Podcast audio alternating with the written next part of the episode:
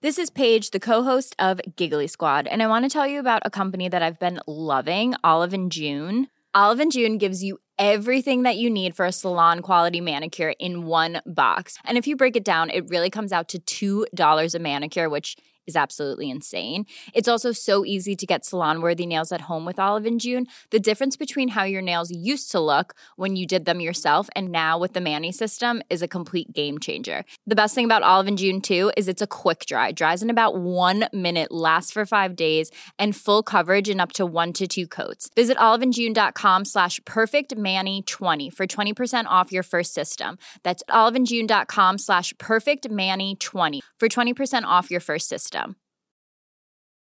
Hiring for your small business? If you're not looking for professionals on LinkedIn, you're looking in the wrong place. That's like looking for your car keys in a fish tank. LinkedIn helps you hire professionals you can't find anywhere else, even those who aren't actively searching for a new job but might be open to the perfect role. In a given month, over 70% of LinkedIn users don't even visit other leading job sites. So start looking in the right place. With LinkedIn, you can hire professionals like a professional. Post your free job on linkedin.com slash people today. Hey, I'm Ryan Reynolds. At Mint Mobile, we like to do the opposite of what Big Wireless does. They charge you a lot, we charge you a little. So naturally, when they announced they'd be raising their prices due to inflation, we decided to deflate our prices due to not hating you. That's right. We're cutting the price of Mint Unlimited from $30 a month to just $15 a month. Give it a try at mintmobile.com slash switch. $45 up front for three months plus taxes and fees. Promote for new customers for limited time. Unlimited more than 40 gigabytes per month. Slows. Full terms at mintmobile.com. Hvis jeg er litt sånn treig i dag, så er det fordi eh, jeg sov litt dårlig i natt. Og vet du hvorfor? Nei. Fordi jeg drømte litt forskjellige ting. Og jeg skal ikke, jeg skal ikke snakke om hva jeg drømte. Men eh, jeg hadde en sang på hjernen, og det føler jeg har fulgt meg litt etter at vi fikk barn. At Ja. jeg har veldig mye barnesanger på hjernen om natta. Mm. Eh, og i dag har jeg hatt eh, en som irriterer meg litt. Fordi det jeg syns er litt rart med barnesanger, er at de burde jo ha en ganske bra eh, hva skal man si, eh, ikke diksjon, men hva heter det? Ja, artikulasjon. Arti eh, som du er veldig glad i. Mm. Artikulasjon.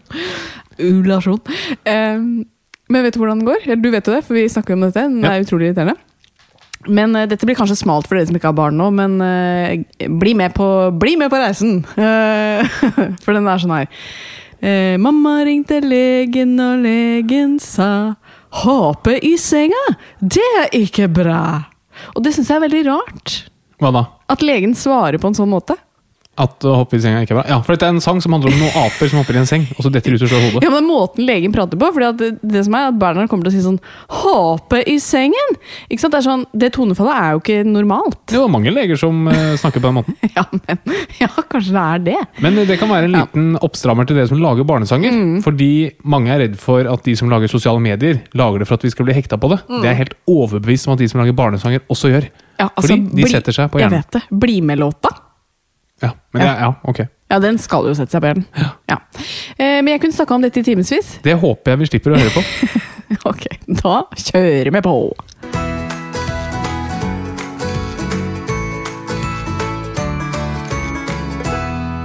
Spennende episode i dag. Det skal handle litt om Vi må innom covid. Nye, spennende ting Oi. rundt senvirkninger. Yes. Vaksiner. Ja. Vi får det som sannsynligvis er Norges neste statsminister på besøk. Ja. Hvem er det, lurer du på? Ja, Det får du vite litt Jeg lurer ikke på det, men jeg lurer på det. Jeg sa han lurer. Artikulasjon, min, Min venn. artikulasjon er upåklagelig. Ok, men det blir veldig spennende. Um, og det er jo bare å si hjertelig velkommen til en ny episode av Åpen journal. Tusen takk for det. Ja. Eh, for i dag så skal vi få besøk av en um, eh, politiker. Du sier kanskje Norges neste statsminister. Det høres ut som du heier på Arbeiderpartiet.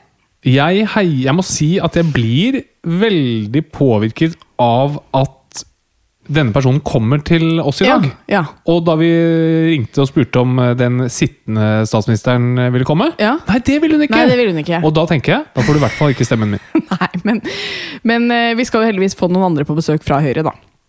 Ja, Og alle skjønner jo nå at det er en del brister i min personlighet. Ja, den kommer fram her. Ja, Du blir veldig Du blir så indignert at statsministeren har bedre ting å gjøre enn å komme hit. Ja, det Eh. syns jeg ikke hun eh, skal ha. Nei, men at den kanskje kommende statsministeren kommer, det bringer deg inn på Det er et kvalitetstegn. Ok, ja. Eh, den som kommer på besøk, er jo Jonas Gahr Støre. Eh, og han skal snakke om mye forskjellig, men han skal også snakke om noe som han har levd med store deler av livet, og det er pigmentforandringer som heter vitiligo. Og det passer jo fint, for dagens tema for denne episoden det er pigmentforandringer. Og det er jo noe som er veldig vanlig. Eh, noen kan få det i forbindelse med graviditet, amming, hormonforandringer, soleksponering eller eh, andre grunner. Noen er jo helt ufarlige, mens andre de er mer skumle. Så i dag så skal det altså handle om pigmentforandringer. Skal jeg si det igjen, søster? Nei, nå holder det. det holder.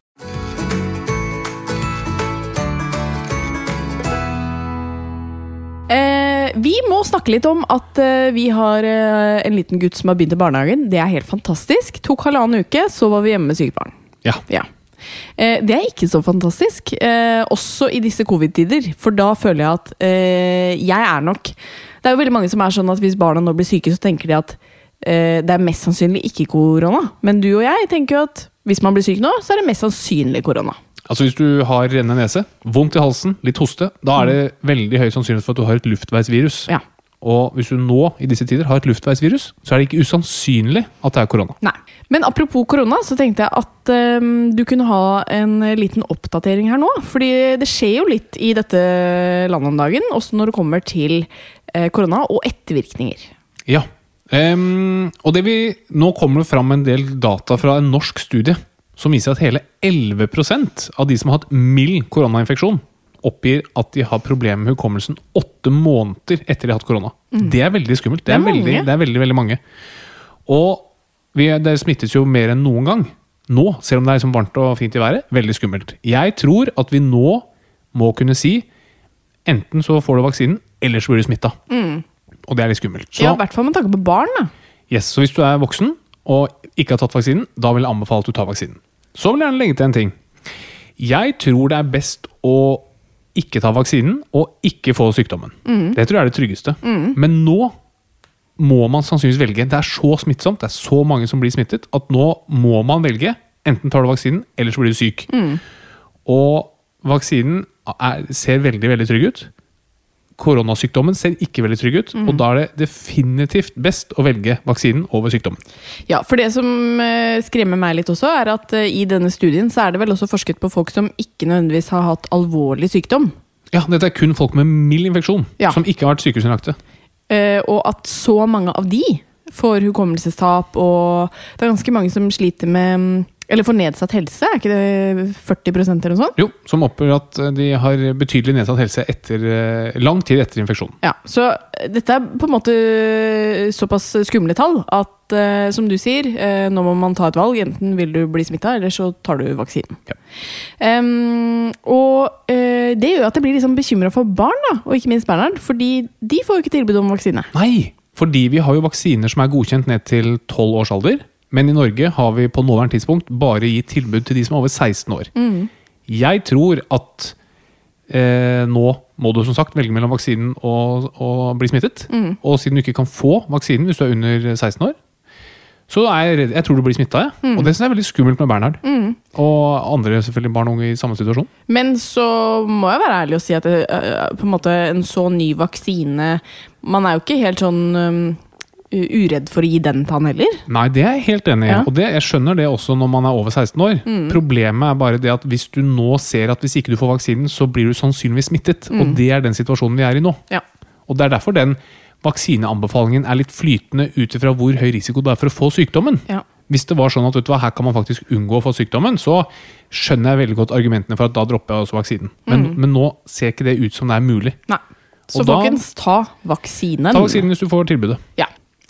Og som eh, dere vet, og ikke minst jeg vet, Harald har alltid rett. Det er også helt riktig.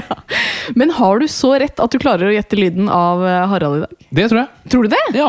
Å ja. Jeg føler jeg er sig om dagen. Eh, Ja vel, ja vel. Ehm, for jeg har jo da spilt igjen en lyd av noe denne uka også, som um, på en måte minner meg ganske mye om deg. Å ja. Ja, eller den assosieres med deg, i hvert fall. Eh, spørsmålet blir om du klarer å gjette den. Jeg klarte å gjette forrige uke, da var det min snorking. Det var ikke veldig vanskelig å gjette. Eh, men klarer du det denne gangen? Ja, denne er det. Ok, Er du klar? Nei. Jeg har vært klar i ganske lang tid jeg, nå.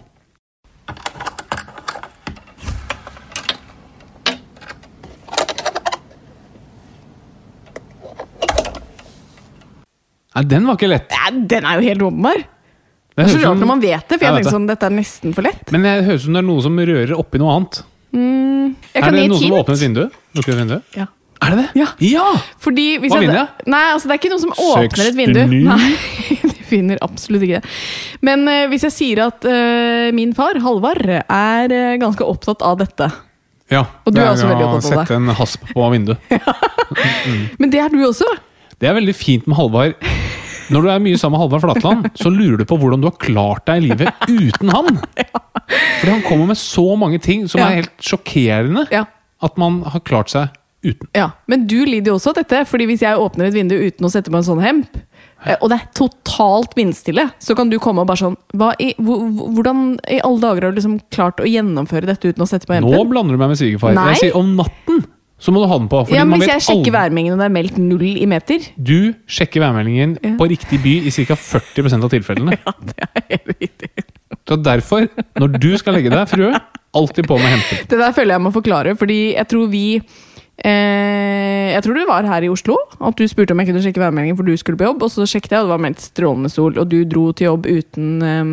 Nei, jeg skulle på guttetur. Var det guttetur? Ja, da, så det ble, hadde jo en viss konsekvens. Oh, ja, For du hadde i hvert fall pakka da ikke til regn. Og så eh, kom det jo masse regn, og så viste det seg at jeg hadde sjekket været i London. Eller værmeldingen i London. Og da var det varmt Og fint. lo, Ja, og vi lo. Ja. Nei, dette er en ufattelig spennende historie, Ja. og den kunne vi også snakket om timevis. Det. Det skal du få slippe Men kan ikke du heller snakke mer om eh, korona, for det er så utrolig spennende, Harald? Vær så snill, mer korona. Det Min, har vi ikke hørt min om de kone er ørlite grann unøyaktig innimellom. Og også denne gangen. Ja. Men vet du hva? Det ble folk av meg òg. Gjorde det? Ja, jeg sitter her i dag. Det gjør det.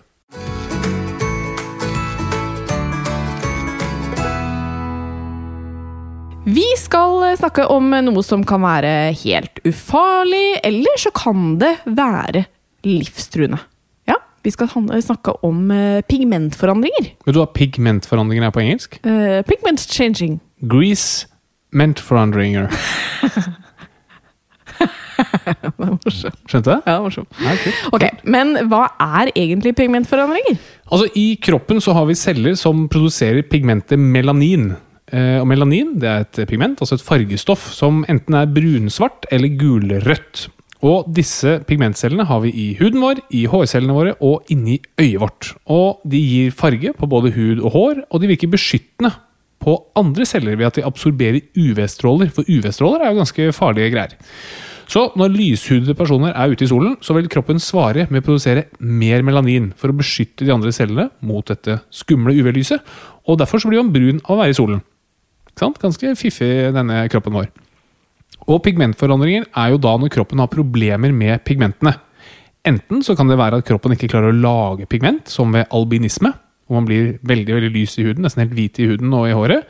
Eller det kan være at man lager for mye pigment, som f.eks. ved føflekker eller eh, sånn eh, pigmentflekker, eller melasma, som er sånn mørke områder man eh, får gjerne under svangerskapet, eller sånne aldersflekker når man blir eldre. Eller det kan være tilfeller hvor man mister pigment.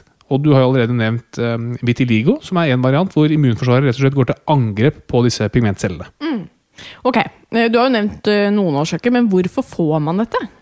Nei, Den viktigste årsaken til disse tingene, det er som den viktigste årsaken til all annen sykdom. Og hva er det? Uflaks? Uflaks, ja. Ja. Helt riktig. Ja. Så mm, det er det. Det er Ja. uflaks. Men det er jo som alltid gener involvert. For eksempel albinisme er nesten utelukkende basert på genene du har. Det er en medfødt eh, tilstand.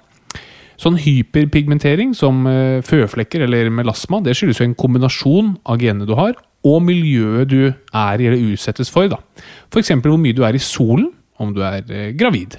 Men det finnes jo veldig mange forskjellige typer. eh, Melasma er nevnt, aldersflekker, føflekker, vitiligo. Hvor mange typer har vi? Nei, Vi har en hel haug med tilstander, men de du nevnte nå, er de absolutt eh, viktigste. Altså Disse aldersflekkene, altså kjent som solflekker eller leverflekker, er jo veldig veldig vanlige. Jeg tror 20% av de under eh, 35 har det. Og veldig veldig mange av de over eh, 60. Sikkert 90% Har 20% under 35 aldersflekker? Ja, Jøss, det var litt overraskende. ja men altså, hvis du kaller det det, da. um, det heter solar lentigo, men det betyr rett og slett sånn ujevn pigmentering på bakgrunn av eh, UV-eksponering. Okay. Soleksponering. Men um, du har snakket litt om det, men hvilke områder på kroppen er da mest utsatt? Nei, det er alle de områdene som er mest utsatt for sol. Så veldig typisk å få til ansiktet, eh, på hendene og overkroppen. Ikke på stumpen. Eh, ikke på stumpen. Stumpen er eh, Dette har jeg vel sagt før, men eh, hvis du ser på rumpa til veldig gamle mennesker, som jeg åpenbart gjør veldig mye av, Um, så er den veldig glatt og fin. Huden er veldig glatt og fin. Og hvorfor det? Fordi de ikke har sola Ikke sant? Man soler veldig sjelden stumpen. Ja. Bortsett fra de som er sånn nudister. Ja, Kanskje de har litt mer sånn forandringer på det stumpen. vil jeg anta at de har. Ja.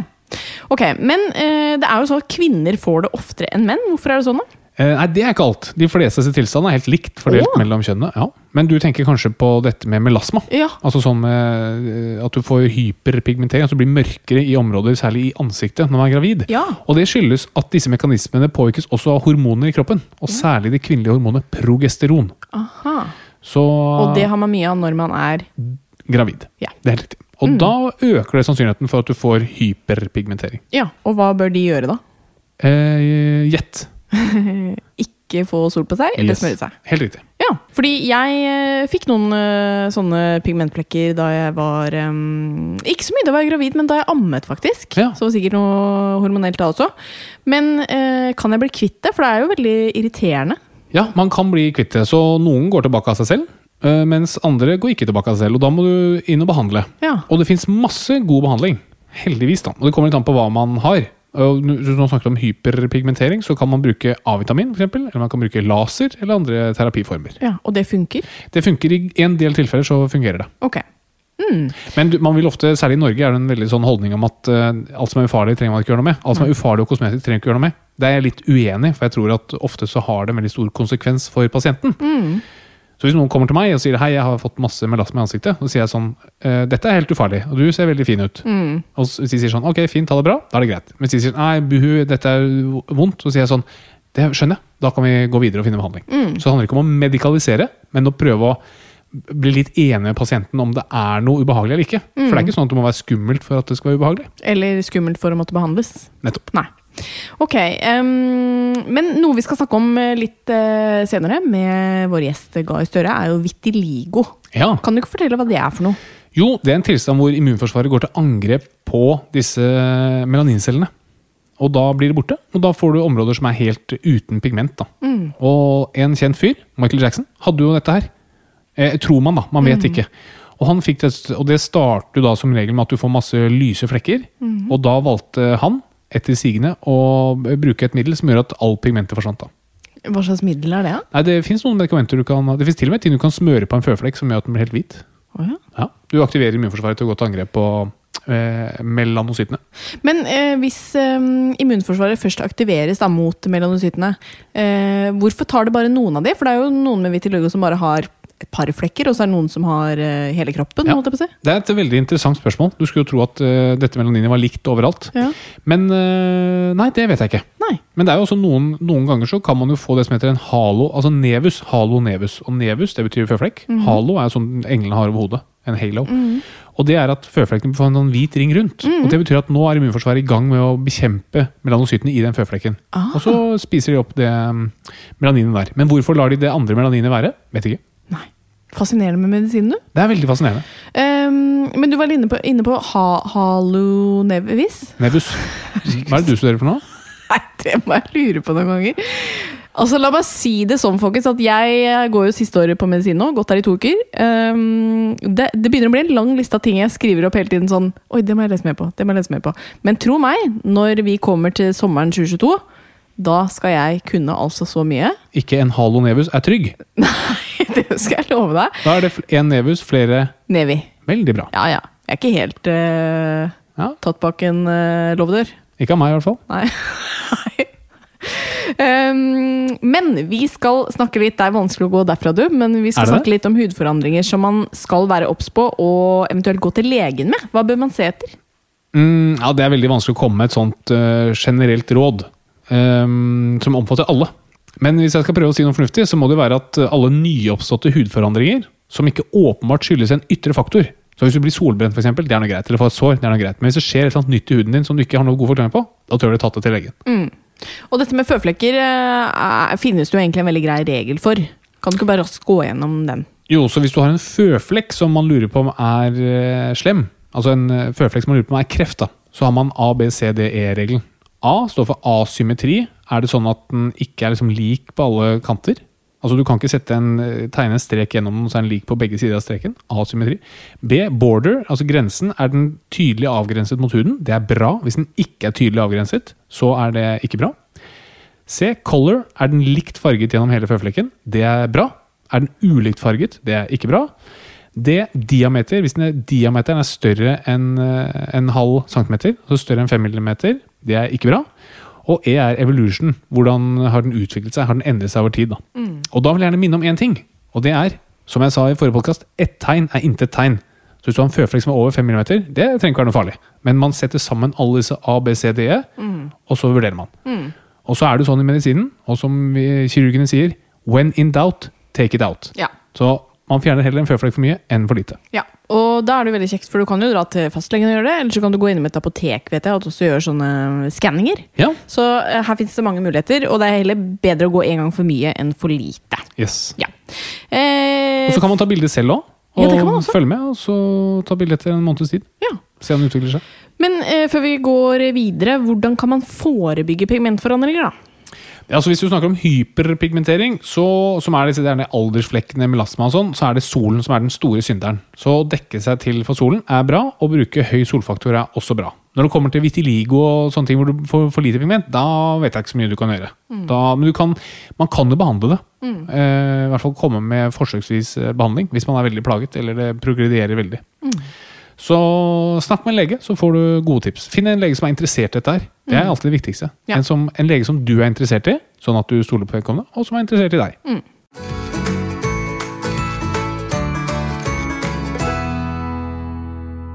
Vi har et uh, lyttespørsmål uh, denne uka, og uh, i dag så er det en som har spurt om noe vi hører mye om, men som kanskje ikke man vet helt sånn definisjonen på, for hva er egentlig et prolaps, doktor Doblau? Ja, jeg, Det er fortsatt jeg som svarer på spørsmålene, selv om du er siste året. Yes. Hvor langt ut i ditt siste år på Nei, sånn i mai neste år så kan jeg begynne å svare på spørsmålet. Ok, da noterer vi oss det. Ja. Så prolaps, det betyr å falle fremover. Jeg er sånn fyr som må skjønne det for å pugge det. Derfor jeg vet hva det betyr. Ja. Og falle fremover. Eh, og det brukes som tilstander hvor noe i kroppen faller eller løsner fra sin naturlige posisjon og kommer ut et sted det ikke skal være. Så Et eksempel er for eksempel livmorprolaps. og Da løsner livmoren fra der den skal være, og så begynner den å presse på andre organer i området rundt. og Da detter den nedover mot skjeden eller blæren. Et livmorprolaps. Så jeg vet ikke om det var det vedkommende mente, men eh, det vanligste å bruke det om, det er jo et prolaps i ryggen. Ryggprolaps. Var det det han eller hun mente? Ja. Ok, ja, det var det. Sorry. Så ryggsøylen vår, eller ryggraden som man kan kalle det, det består av masse små blokker med skjelett som ligger oppå seige puter. Som en slags demping. Eh, Disse putene ligger som en demping mellom disse klossene av skjelett. Og rett utenfor ryggsøylen så ligger ryggmargen med alle eh, nervene våre. Så når du har et prolaps i ryggen, så løsner en sånn seig pute mellom skjelettklossene. Og så begynner den puten å klemme på nervene som går i ryggmargen. Med på den? Så disse to skjelett, Det er jo en skjelettkloss over en eh, pute og en under. Og disse to klemmer så hardt for å si det enkelt, at den flytter seg, den der eh, seige puta, og klemmer da på nervene bak. Og det som da er litt interessant, hvor er det du får smerter? Jo, det er fra de nervene som blir irritert. Og de nervene de går som regel ned i bena, og derfor er det bena som ofte er vonde. Ja. Så det er et eh, ryggprolaps, mine damer og herrer. Ja.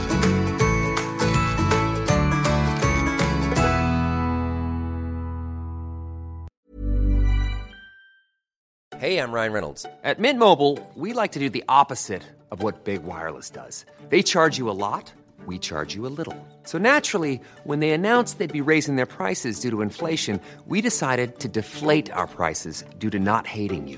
That's right. We're cutting the price of Mint Unlimited from $30 a month to just $15 a month. Give it a try at mintmobile.com slash switch. $45 upfront for three months plus taxes and fees. Promo rate for new customers for limited time. Unlimited more than 40 gigabytes per month. Slows. Full terms at mintmobile.com. Life is full of awesome what ifs, and some not so much, like unexpected medical costs. That's why United Healthcare provides Health Protector Guard fixed indemnity insurance plans to supplement your primary plan and help manage out of pocket costs. Learn more at uh1.com. Hey, it's Paige DeSorbo from Giggly Squad. High quality fashion without the price tag. Say hello to Quince. I'm snagging high-end essentials like cozy cashmere sweaters, sleek leather jackets, fine jewelry, and so much more. With Quince being 50 to 80% less than similar brands. And they partner with factories that prioritize safe, ethical, and responsible manufacturing. I love that. Luxury quality within reach. Go to quince.com slash style to get free shipping and 365-day returns on your next order. quince.com slash style.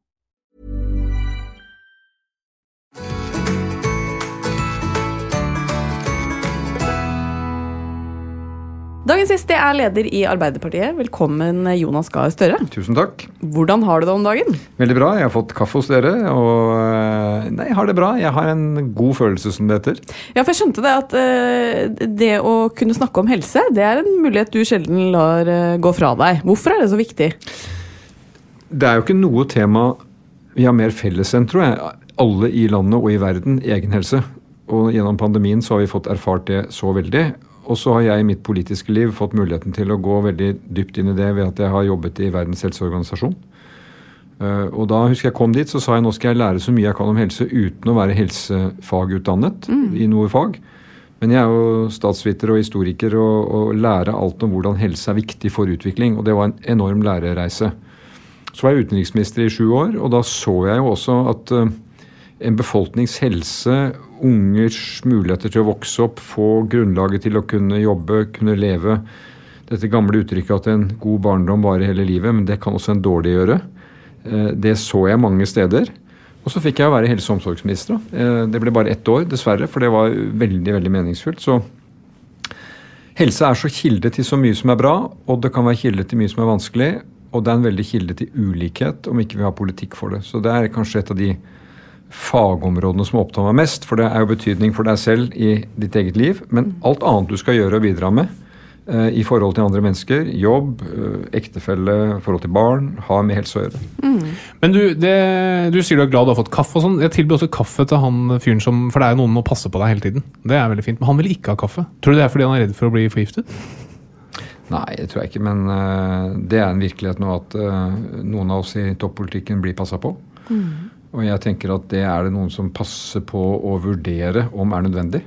Og så tenker ikke jeg så mye mer på det, for jeg liker jo å leve mitt liv som alle andre. Kunne gå i butikken og hente barnebarna mine hvis jeg skal plukke opp dem noe sted, og, og det kan jeg.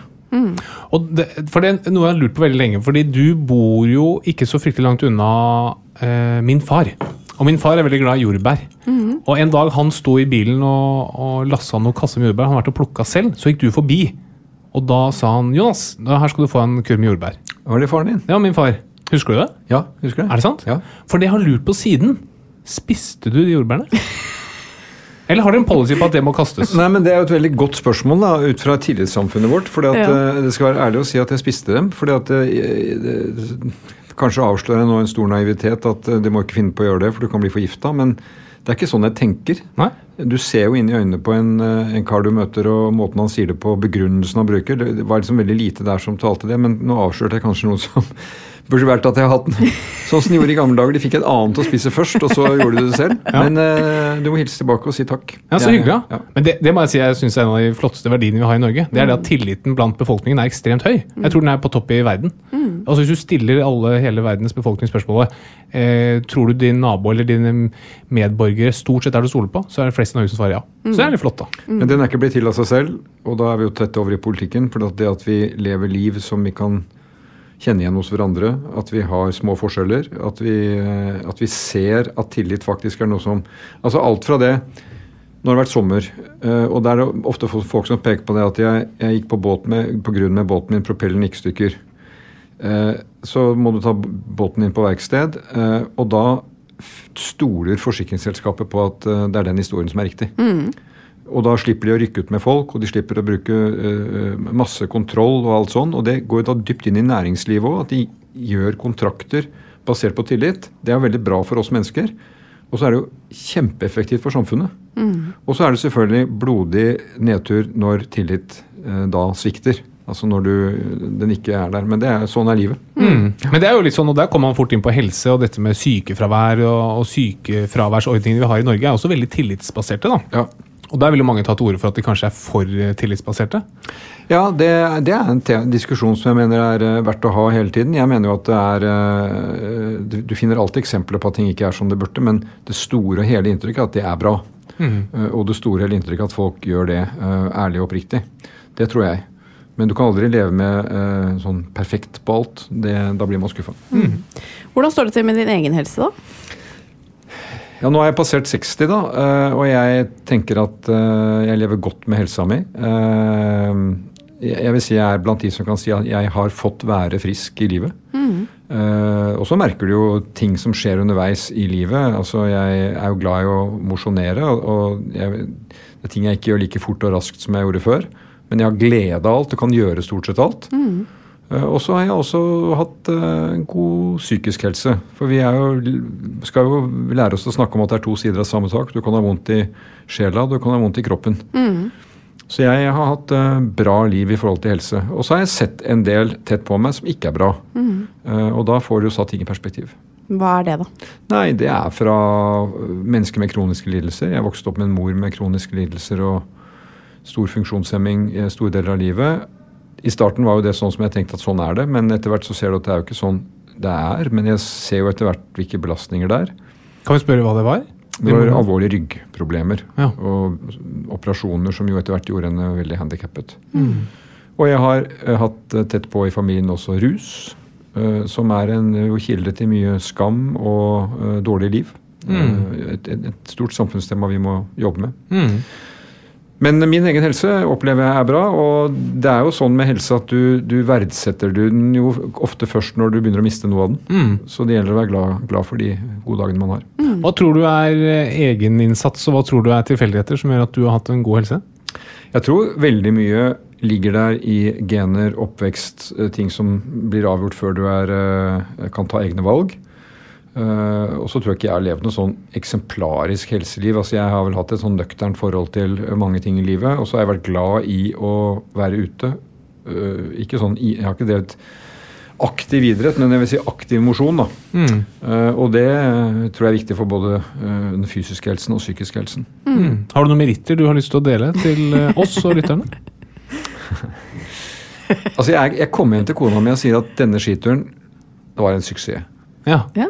Eh, vurdert som eh, idrettsprestasjon så mener jeg den var veldig bra. Jeg gikk eh, en tur som jeg vet som jeg har gått mange ganger før. Jeg syns jeg gikk litt bedre og litt fortere. Sånne ting Ja. eh, verdsetter jeg. Og så går jeg turrenn noen ganger. Ah, ja. eh, sånne skirenn om vinteren for å ha liksom, noe å strekke meg etter. Og noen av dem eh, kan jeg være fornøyd med. Har du noen medaljer på veggen Nei, egentlig ikke. i de senere tid? Nei, jeg kan ikke si det. Ikke jeg Jeg har heller. fått sånne krus hvis jeg kommer liksom langt ned der. Men, eh, Diplom? Ja, Er det av kona når du kommer og forteller at du hørte en god presentasjon, eller? ja, da må jeg ha mer enn diplom. Men eh, hva er det viktigste du tror du gjør for å ta vare på helsa, da? Altså jeg tror, altså Hvis du tenker på dette med uh, genene dine, kroniske lidelser, ting som kommer som du på en måte ikke kan ha kontroll over selv, det er jo en uh, Sånn kan livet være. Og så får vi jo veldig mye kunnskap etter hvert at du kan ta valg som påvirker livet. Og det handler jo om Jeg tror det begynner i det veldig fundamentale. At, at, er, øh, at du har rimelig god søvn. Det har opptatt meg veldig nå fordi søvnmønsteret endrer seg litt i livet. Så De siste årene så har jeg prøvd å lese mye om søvn. Betydningen av søvn og hvordan du har god søvn. Det er skrevet mye, det er mye forskning på søvn. Og jeg tror det er en av de nye store folkesykdommene at folk sover dårlig. Det er for mye lys i nærheten av der vi sover. Det er for mye skjerm for sent på dagen som påvirker søvnmønsteret. Og særlig unge mennesker tror jeg får en utfordring fordi døgnet er skrudd sammen slik som gjør dem ganske dårlig disponert fra morgenen av, men allikevel skal de begynne tidlig på skolen. Så det er noen forhold der. Men søvn er viktig. Mm. Kosthold er viktig. eh, Det kan vi jo mer om nå. Folk tar jo med flere sånne naturlige valg i forhold til hva som er eh, bra på kosthold. Eh, Og så er det eh, fysisk aktivitet. Men i bunn ligger jo også dette med den, psyk den psykiske helsen. Er, du blitt sett, tatt vare på, øh, lært empati, altså fått dette som gjør at du kan mestre et samfunn med både oppturer og ned, en, en hverdag med oppturer og nedturer? Eh, også veldig viktig. Der påvirker jo det fysiske og det psykiske, psykiske hverandre veldig sånn nesten uten grenser. Og det er litt fascinerende, for en av de viktigste parameterne for hvor god helse man har, det er selvopplevd helse. Altså hvor god helse du føler at du har. Så det er ikke nødvendigvis hvilke kroniske sykdommer du har eller ikke. men det er Nei, hvordan du... det er interessant, for altså, Moren min, da, som hadde veldig alvorlige kroniske sykdommer, jeg sa til henne ofte at det er akkurat som dette sykdomsbildet ditt stopper når det kommer opp til hodet, for i hodet ditt så har du et lys inn. Så hun ville si at hun hadde det bra, selv om jeg tenkte at du kan ikke si det når ikke du kan gå. Og du kan ikke ta det fram. Du kan ikke ta, fullføre den voksenutdanningen din. Du kan ikke jobbe. Du kan ikke være med på ferie. Men hun var ikke der. Nei. Så det er jo også å si om det samspillet, det, det, det har nok imponert meg veldig mye mer etter at hun Nå har hun gått bort da, i år, tidlig i år. Men uh, jeg er blitt mer klar på det i, i ettertid at det er også Det er mange grunner til å bli bitter hvis du mister helsen, men det er også imponerende de som ikke blir det. Men har du noen eh, verktøy som du bruker for å på en måte eh, snu sinnet, da, hvis du kjenner at nå er litt tøft, eller nå er litt vanskelig? Hva gjør du? Nei, jeg er ikke, det tror jeg er mer sånn erfaringsbasert. Jeg tenker at øh, prøv det der med liksom pust med maven, øh, få litt distanse, koble fra. Jeg, jeg har jo vært med på opptur og nedtur i politikken. Helt fra toppen og helt til bunnen og, og alt imellom. Og da har jeg pleid å si at hvis du tar av når det går bra, eller blir knust når det går ned, så må du egentlig finne noe annet. For ingen av delene er bra. Du må finne et eller annet som gjør at du kan leve med disse øh, motsetningene. Og da handler jo det om at å ha gode mennesker rundt seg. eh, Tett på jobb. Jeg er jo veldig opptatt av de medarbeiderne mine som er rundt meg, som da eh, følger med på, som du kan liksom ja, ta ut ting på hvis det skjer ting på en god måte. Både opp og ned. Aldri fysisk. Ikke, Nei, det ikke. det må ikke komme dit. Men også er det hjemmesfæren, da. ikke sant? Det er jo de som er hjemme som må ta det meste. Jeg pleier å si at liksom, vær gift med en politiker, du bare må prøve det. Det er, det er, ikke, det er en ganske stor øh, øvelse, det. Ja, være være gift med en lego er også en prøvelse, bare så det er sagt. jo, men å være barn av politikere òg. Altså jeg, jeg er jo bevisst på det at ingen av mine har valgt det jeg har valgt. Jeg har valgt det, men det får jo betydning i deres liv òg. Men avkobling, koble av, prøve å kutte ut, legge ting bak seg, det tror jeg du må ha med. Men kan du, kan du lokke med noe, f.eks. at du sier til barna dine nå er jeg blitt statsminister, da skal jeg oppkalle en park etter deg, Magnus. Eller det blir Vetleåsen, det, heter ikke lenger Ullernåsen. Kan du lokke med noe sånt? Nei. altså Jeg er jo opptatt av at uh, man skal holde både religion og familie utenom, utenom politikken. Politikken er valg vi tar uh, sammen i demokratiet. Det høres litt høystemt ut, men uh, jeg er opptatt av å beskytte familien min der. Da. Jeg, jeg, jeg har jo hatt minimalt av sånn hjemme hos, hos meg, for jeg tenker at over den dørstokken min er det ikke bare jeg som eier. Eh, den, det er også deres privatliv. Så de får gjøre seg sine meninger. Er, jeg tror vi deler sånn samfunnsverdier veldig i min familie. Vi er en tett familie, men jeg vet at det er også viktige temaer som vi kan ha ulike syn på. Det er jeg glad for, egentlig. Vet du hva de stemmer i familien din? Uh, ja og nei. Eh, jeg tror jeg vet om uh, det meste, men ikke, ikke fullt ut. Ikke fortalt. Ville du vært veldig skuffet hvis de stemte noe annet enn Nei. Arbeiderpartiet? Nei, vet du hva, jeg ville ikke vært det. Nei. Men hvis de stemmer Frp, da Ingen nevnt, ingen glemt. Men eh, veldig mange kjenner deg jo som politiker, eh, Jonas. Hvordan er du som eh, bestefar, da? Altså, Jeg tror jo at jeg er det samme mennesket, da, men jeg tar jo ut sider i bestefarrollen da, som er annerledes. Men en dag nå øh, nylig så hadde jeg en full valgkampdag, men så visste jeg at jeg litt sånn synk med sønnen min og svigerdatter og de to barna, så kunne jeg se dem en ettermiddag. Det var faktisk i går. Eh, Og da fikk jeg rigget programmet mitt slik at jeg var ferdig til fire. For da var han eldste barnebarnet mitt ferdig på fotballskole, kunne få med han. Og lillebroren hans hjem på pølser hos meg. Da viker alt. Og da vet medarbeiderne mine at da er det ikke noe annet, da er det det.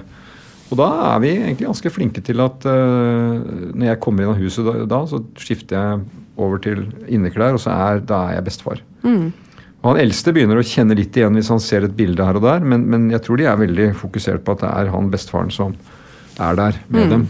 Og det, det er faktisk sånn, det høres rart ut, at det er ikke så lenge siden, selv om jeg har eh, pappaen deres igjen er over 30 år, så er det ikke så lenge siden jeg kjente det der forholdet med dem som barn til at det å ta tak i disse smågutta igjen nå, det kjennes veldig nært. Og veldig viktig. Hva er det viktigste man må gi barna, tror du? Nei, altså dette er, Nå høres det litt sånn prektig ut, da, men jeg tenker at det er kjærlighet og uendelig uh, kjærlighet, egentlig. Du er eh, elsket, du er eh, Takk. eh, ja, nå snakker jeg til barn, barnebarna mine. Men gjerne, vi kan godt utvide det. Men, men det er den følelsen av at du er trygg, og at det er, der er det trygt, og at du kan utvikle deg med de feil og mangler du måtte ha, men allikevel være elsket. Den tryggheten, tror jeg, altså den der lærdommen til at liksom får du med deg det gjennom de fem-seks første årene, så er veldig mye lagt. da. Og det tror jeg er riktig. Du nevnte jo tidligere at du har vært eh, helseminister i ett år. Du syntes det var for kort. skulle gjerne vært lenger. Um, hvis du da hadde fått én dag nå som helseminister til å gjøre noe, hva er, hva er helt konkret det første du hadde gjort? Altså Det som jeg var veldig opptatt av som helseminister, var å si at uh, du kan ikke bare ende opp med å bli sykehusminister. For, men, og det er veldig lett, for det er så stort sykehusvesen du har ansvaret for. Men for å ta bruke ett sekund på det at det viktigste for en helseminister er jo å bidra til helse, og at folk slipper å komme på sykehus. Så hvis du må på sykehus, skal du få den beste behandlingen i verden. Men, men det med forebygging Altså vi bruker mer ressurser på å kunne forebygge, som er bedre enn å reparere. Det mener jeg en helseminister må ha i panna. Og det handler, om, det handler liksom da om kosthold, eh, trafikk, eh, drukning, eh, uhelse som, som oppstår og skaper komplikasjoner for folk. Når det da er sagt, så tenker jeg at det med Det jeg tror jeg vil ta tak i med en gang, det er tiltak for å berge fastlegeordningen. Det Dette hvis er ikke vel- våre ører. Veldig konkret, da, fordi at fastlegen er portvokteren i vårt system. Mm. 70-80% av en behandling et menneske trenger, det skjer hos fastlegen. Altså Jeg har vært heldig med min helse, så jeg, det jeg har hatt av plunder, det har fastlegen min fikset. Gjennom å gi meg råd eller gjøre en undersøkelse og si at eh, sånn og slik. Den ordningen har blitt vanskjøttet, slik at fastlegene er overarbeidet, veldig mange av dem. Og rekrutteringen inn er for liten, og avgangen ut er for stor. Og bryter det sammen, så må folk begynne å si det at ja, da skal jeg kjøpe meg veien. Og det er ikke den måten helsevesenet skal være på. Så jeg, jeg, jeg ber om én sak, så tror jeg jeg ville begynt der. Og så har jeg en del, del andre òg. Du sier jo at du har um, hatt og har veldig god helse. Uh, men i dag så har vi snakket om uh, pigmentforandringer i huden. Da er jeg rett mann. Det har du jo! Fordi du ser ned på hendene dine. Hvorfor det? Jeg har da noe som heter vitiligo, som er et latinsk navn for uh, ja, Det heter vel pigmentsvikt, på en måte. Og det er en arvelig sykdom som jeg nå har lært litt Først var det det at det hadde faren min. Så han hadde litt sånne rare hender. Han var da, eh, Du så det ikke om vinteren, men da sola kom, så så du at han ble liksom litt brun, og så ble han ikke brun andre steder. Og jeg fikk en første indikasjon på det da jeg var sånn 18-19 år, at det var en flekk på leggen som var helt hvit. Mm. Og så har det gradvis kommet, da. Så nå kan du se at på hendene mine er det stort sett ikke pigment. Så jeg, jeg, jeg får brunfarve. Normalt fordi jeg har mørkt hår, så har jeg blitt ganske brun i pigmentet. Men fra håndleddet opp så er jeg eh, brun. Men eh, på hendene så er jeg da helt hvitt. Og der, der har pigmentet trukket seg tilbake. Det er nå, etter hva jeg vet, en antiimmun sykdom. Så det har noe med immunforsvaret å gjøre. Så det er et eller annet som Svikter. ja, om det svikter at kroppen reagerer med å gjøre på dette. Eh, Men som faren min pleide å si, eh, hvis du skal liksom sammenligne med andre ting du kan få, så er dette til å bære. Mm. Og moren min hun pleide å si at det var bra at sønnen fikk det, og ikke døtrene. Ja. Det syns jeg var litt hardt å høre, men eh, jeg kan forstå det, for jeg tror det kanskje er sånn rent kosmetisk og sånn er eh, litt tyngre å bære for en jente, da. For jeg tenker I en alder av 18-19, eh, var det sånn at du tenkte at det var eh, noe du liksom syntes var eh, flaut å vise fram, eller? eh? Nei, altså fordi at ved var 18-19 så var det egentlig ingenting. Eh, og, og nå har ikke jeg det veldig synlige ansiktet, eller noe, men nå trekker jeg opp armen her sånn, for jeg, jeg, en, jeg mistet strykejernet på armen Mm. eh, for et par år siden. eh, og, da fikk jeg brannskade, og da trekker pigmentet seg derfra. Oh, ja. Så jeg har noen sånne, etter å ha slått meg på kne og sånn, så har jeg en del sånne flekk, Når det kommer rift, så trekker pigmentet seg fra det riftet. Hvorfor Men slapp altså- du strykerne der, da? Nei, det falt ned. Jeg stryker skjortene mine selv, så det falt ned fra strykebordet. Men, Veldig, det, er jo, men det, det er jo knyttet noen ganske tragiske ting til dette, fordi at folk liksom gjør ting Det var vel sånn, tror jeg, Michael Jackson hadde dette og gjorde øh, Gjorde vold mot sitt eget, øh, sin egen hud da, for å prøve å manipulere det. Det finnes jo tilbud om noen sånne medikamenter, og noe sånt, men jeg tror ikke, jeg tror ikke så mye på det. Det vi må være forsiktige med, og de som har det, og det arvelige, så kan det hende at gutta mine får det, eh, det er at man beskytter seg litt mer mot solen. Smøre seg inn og Mm. bruke solblokk der. Jeg føler jeg må bare la eh, Vi har eh, dette med helsepolitikk. Det er veldig interessant. da, Åpenbart, for jeg er lege selv. Men, men eh, ikke sant, i fjor så hadde vi sånn et klapp for helsepersonell under korona. Som er jo for så vidt flott, men det er jo litt sånn stusslig når du ser lønnsoppgjør i år, f.eks. Altså mye helsepersonell, når du ser på lønnsforhandlingene, de, de, de går med en netto negativ eh, lønnsøkning, altså et lønnstap, hvis du justerer i forhold til inflasjonen. da. Det betyr at Lønnen de får i år, er lavere enn det de fikk i fjor. Er ikke det liksom paradoksalt etter en sånn pandemi og under en pandemi?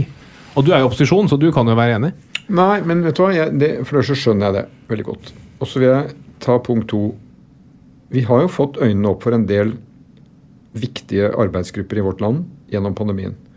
Helsepersonell helt åpenbart som har stått på. Men jammen meg, bussjåfører, Nav-ansatte, øh, renholdere, de som ikke har kunnet jobbe på hjemmekontor eller sitte bak et pleksiglass, men må ut. Eh, førstelinja er ganske lang.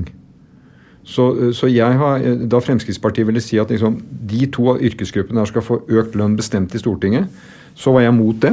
Ikke fordi jeg var mot at det skulle være mer lønn, men det var en lang rekke andre som også hadde stått på langt utover det du kunne til barnehageansatte, lærere osv.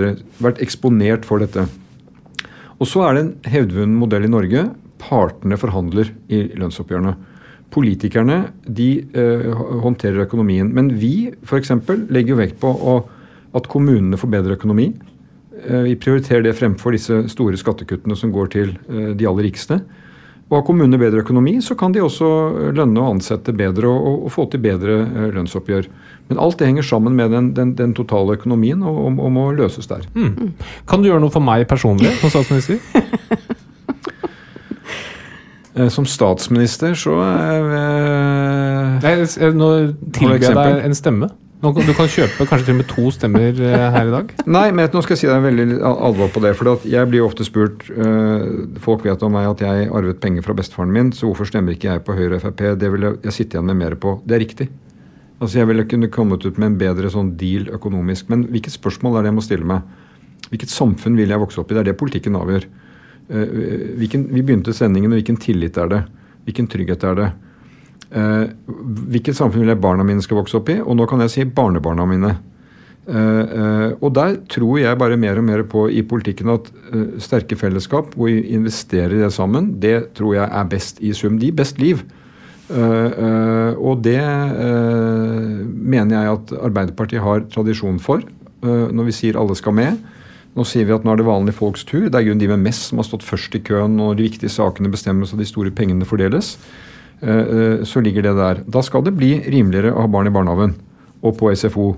Hvis du pendler til jobb, skal det ikke bli dyrere å pendle til jobb. Det treffer jo familieøkonomien til mange. Så de som har en vanlig økonomi, skal oppleve at det er der lettelsene kommer der, mm. og ikke helt på toppen. Men det at du på ligningsseddelen er en høyremann, da, det tenker jeg bare taler din sak. At du allikevel velger å være en arbeiderpartimann. Ja, altså Det er dine ord, eh, men, men jeg tenker jo ikke at eh, jeg tenker jo at det kan ikke være sånn ligningsseddelen av hvem du stemmer. Og jeg har respekt for de som stemmer Høyre, både av økonomiske årsaker og fordi de tror på de verdiene. Jeg har jo alltid sagt når jeg har vært i politikken i Norge, alle mine politiske konkurrenter som går på jobb, jeg tror dem på at de går på jobb fordi de vil det best for Norge. Og det de har av, av prosjekter, det mener de tar Norge i best retning. Så la oss bare være enige om det. Og så kommer jeg med mitt, som jeg mener hva jeg tror er det, det beste for Norge. Jeg tror på et samfunn hvor fellesskapet er sterkt. Det er det som gir deg frihet. Det er det som gir deg mulighet. Og det at vi tar det ansvaret sammen, det, det også er med på å styrke den tilliten. Men er det noen du I kantina på Stortinget er det noen du ikke vil sitte sammen med? Er det noen gang hvis du, noen går forbi, så setter du deg sånn, sånn at du brer deg litt utover bordet, f.eks.? Det, det er en tradisjon på Stortinget at partiene sitter rundt bord sammen. Men, men eh, nå skal jeg ikke ødelegge det spørsmålet, for det er et veldig godt spørsmål. Jeg pleier jo også å si det at det er ingen det ikke er ok å stå i kø med på kantina i Stortinget. Så om jeg står mellom en Frp-er og en Rødt, eh, og Bjørnar Moxnes fra Rødt, han er den eneste der, så er det helt ålreit. Da, kan da kan det være sånn rakk du fotballen med ungen din i går, for jeg visste at det skulle en gjøre. Det er en type Jeg tror folk kanskje blir litt overrasket over det. At det, det er en respekt i det, og så går vi i debatter som vi, hvor vi tar det. Og det jeg er glad For jeg har igjen i år som utenriksminister så har jeg reist rundt i land hvor folk ikke bare er motstandere, men hvor de er fiender. Og det er jo det som er så alvorlig når øh, i dette valget så sier vi at vi har noen konkurrenter. Alle er jo konkurrenter, vi konkurrerer om stemmer. Noen er motstandere, noen vil bytte ut. Men vi har ingen fiender i valget. Men sånn som du har sett i USA i valget nå, så kommer de ordene. Altså de, blir, de blir fiender, og, og det ligger tett opp til at det blir hat mellom folk. Og hvis politikere begynner å hate, så tror jeg det har en veldig farlig nedslagseffekt i samfunnet. Jeg har alltid tenkt på, det ser man jo på en del amerikanske filmer, at hvis du kommer inn i et nytt fengsel f.eks., så gjelder det å bare begynne å banke opp den største kjeltringen for å sette seg i respekt. Er det noe av det samme i Stortinget? At du hiver deg over den, den som er antatt størst i kantina?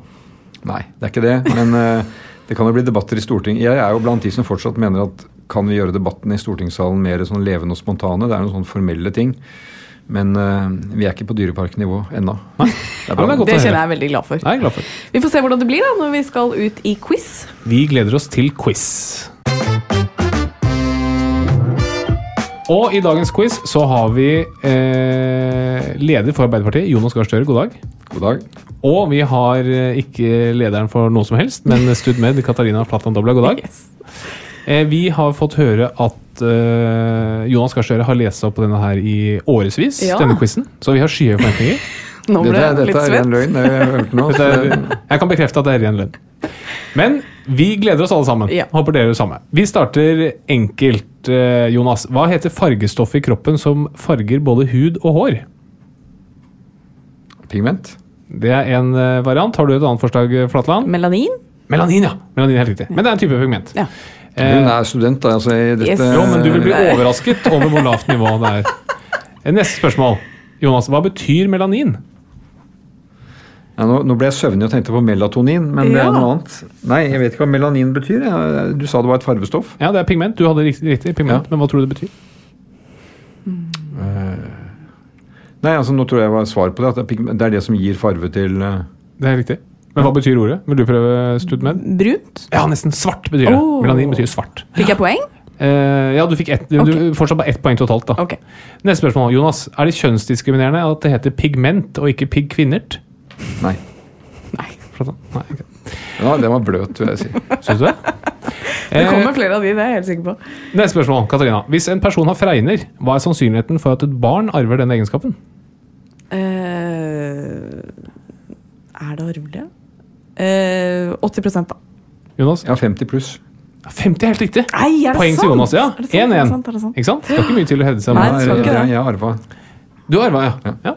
Eh, neste spørsmål. Jonas Gahr Støre er jo selve kongen av Arbeiderpartiet, eller Ap som det jo forkortes. Tror dere at han ville fått flere eller færre stemmer hvis han titulerte seg som Apekongen? Katarina, Jeg tror færre, faktisk. tror du? Ja. Hva tror du, Jonas? Jeg er mer for, for løvenes konge, liksom. Det er mer eh, Er det Men. Apekongen, hvis du sier Ja, det er Jonas Apekongen der. Simba, liksom. Det er mer der. Ja. Du er ikke fremmed for kongetittelen, med andre ord? Jo. Ja. Vi er eh, Er det det du går til jeg, valg er på? ikke, jeg, er ikke jeg er ikke republikaner, men eh, vi, kongen er kongen, og vi er politikere. Men hvis du hadde blitt spurt, da, kunne du tenke deg å være konge, en interim konge i noen måneder? Nei. Har du sagt nei? nei. Vi har bra som vi har. Og han som kommer etter, er også bra. Jeg hadde sagt ja. Altså, ikke for å dytte ut Håkon, men hvis jeg blir spurt, Da hadde sagt ja. Så vet dere det. Ja. Hvis noen i kongehuset hører på. Men eh, flere eller færre stemmer hvis du kalte apekongen, tror du? Færre. Færre. Ja, jeg tror også det. Ok, det er eh, likt nå, da. Er det likt, ja? Neste spørsmål. Jonas. PST har bl.a. i oppgave å passe på ministre. Hva står S-en for? Står det for Snickers, stillongs, strikkekonkurranse, sengetøy, strippekongens piker eller sikkerhet? Sikkerhet. Sikkerhet. Det er helt riktig. Fantastisk. Begge to. Neste spørsmål. Jonas, hva er Joe Bidens fulle fornavn? Uh, Joseph uh, Så er det noe på R. Ja, men det var Joseph jeg, Å, Eller da har du svart? Hva Da svarer du? sier jeg Joseph. Jeg tror er Joseph Robinette, tror jeg det er. Men Joseph er helt riktig. Veldig bra. Men Robinette er sånn, jeg trodde det, det høres nesten ut som et Et kvinnenavn? Ja. Ja. helt enig. Siste spørsmål. Det er helt likt, da. Så her må dere virkelig Ja, okay. skru på de, de små grå. eh, Jonas, hva kalles den medisinske tilstanden man har hvis man kaster om seg med politiske ord og uttrykk? eufori, holdt jeg på å si. Nei, eh, som man kaster om seg med ord og uttrykk. Ukontrollert. Eh, ordgyteri. Eh, Ordgyteri, Ok, Katarina? Ehm. Nei, du har sikkert et eller annet ordspill på Tourettes, da. Politics. Ikke sant? Politics. ja. Politics. Den kan du også ta med deg, Ja, Jonas. hvis du har legg, den lyst. legg den i quizbanken. Da ble det Det ble, det ble likt. Det likt, ja. Ja, Men det er hyggelig, da. Det kan jeg leve med. Ja. Eh, vi skal runde av, men før vi runder av, så pleier vi alltid å få et eh, råd til vår sønn Bernhard på ett år på, for hvordan han kan bli en fin fyr. Du har jo barn og barnebarn, så hva er ditt råd til han? Én ting du kan eh, si til han, som vi skal love å bringe videre. Bli elsket. Eh, du, kunne sagt, oss, da. du kunne jo sagt 'stem Arbeiderpartiet'. Jo, men altså eh, Det tar jeg for, på alvor. altså En ettåring eh, vil ikke forstå hva jeg sier, men altså via han kan jeg si til foreldrene at eh, gi, gi dem uendelig med Kjærlighet. Ja. kjærlighet. Ja. Så går det bra. Du kunne sagt 'stem på Arbeiderpartiet'. Da hadde du hatt en, eh, da hadde fått mange stemmer til partiet ditt livet Nei, det hadde jeg ikke gjort. For det er eh, Arbeiderpartiet er, vi er seriøse. Stemmealderen er 18 år, og foreldre må ta vare på ungene sine. Til foreldrene kan jeg si det. Stem Arbeiderpartiet. Det slutter jeg gjerne med. Den er grei. Da sier vi tusen hjertelig takk for at du tok deg tid. Lykke til med valgkampen. Takk for det. Vi er tilbake neste uke. Hei da! Ha det! Plan B. Hey, it's Danny Pellegrino from Everything Iconic. Ready to upgrade your style game without blowing your budget? Check out Quince. They've got all the good stuff shirts and polos, activewear, and fine leather goods, all at 50 to 80% less than other high end brands. And the best part? They're all about safe, ethical, and responsible manufacturing. Get that luxury vibe without the luxury price tag. Hit up quince.com slash upgrade for free shipping and 365 day returns on your next order. That's quince.com slash upgrade. Even when we're on a budget, we still deserve nice things. Quince is a place to scoop up stunning high-end goods for 50 to 80% less than similar brands. They have buttery soft cashmere sweaters starting at $50, luxurious Italian leather bags, and so much more. Plus, Quince only works with factories that use safe, ethical, and responsible manufacturing. Get the high-end goods you'll love without the high price tag with Quince. Go to quince.com slash style for free shipping and 365-day returns. Mom deserves the best, and there's no better place to shop for Mother's Day than Whole Foods Market. They're your destination for unbeatable savings, from premium gifts to show-stopping flowers and irresistible desserts. Start by saving 33% with Prime on all body care and candles. Then get a 15-stem bunch of tulips for just $9.99 each with Prime. Round out Mom's menu with festive rosé, irresistible berry chantilly cake, and more special treats. Come celebrate Mother's Day at Whole Foods Market.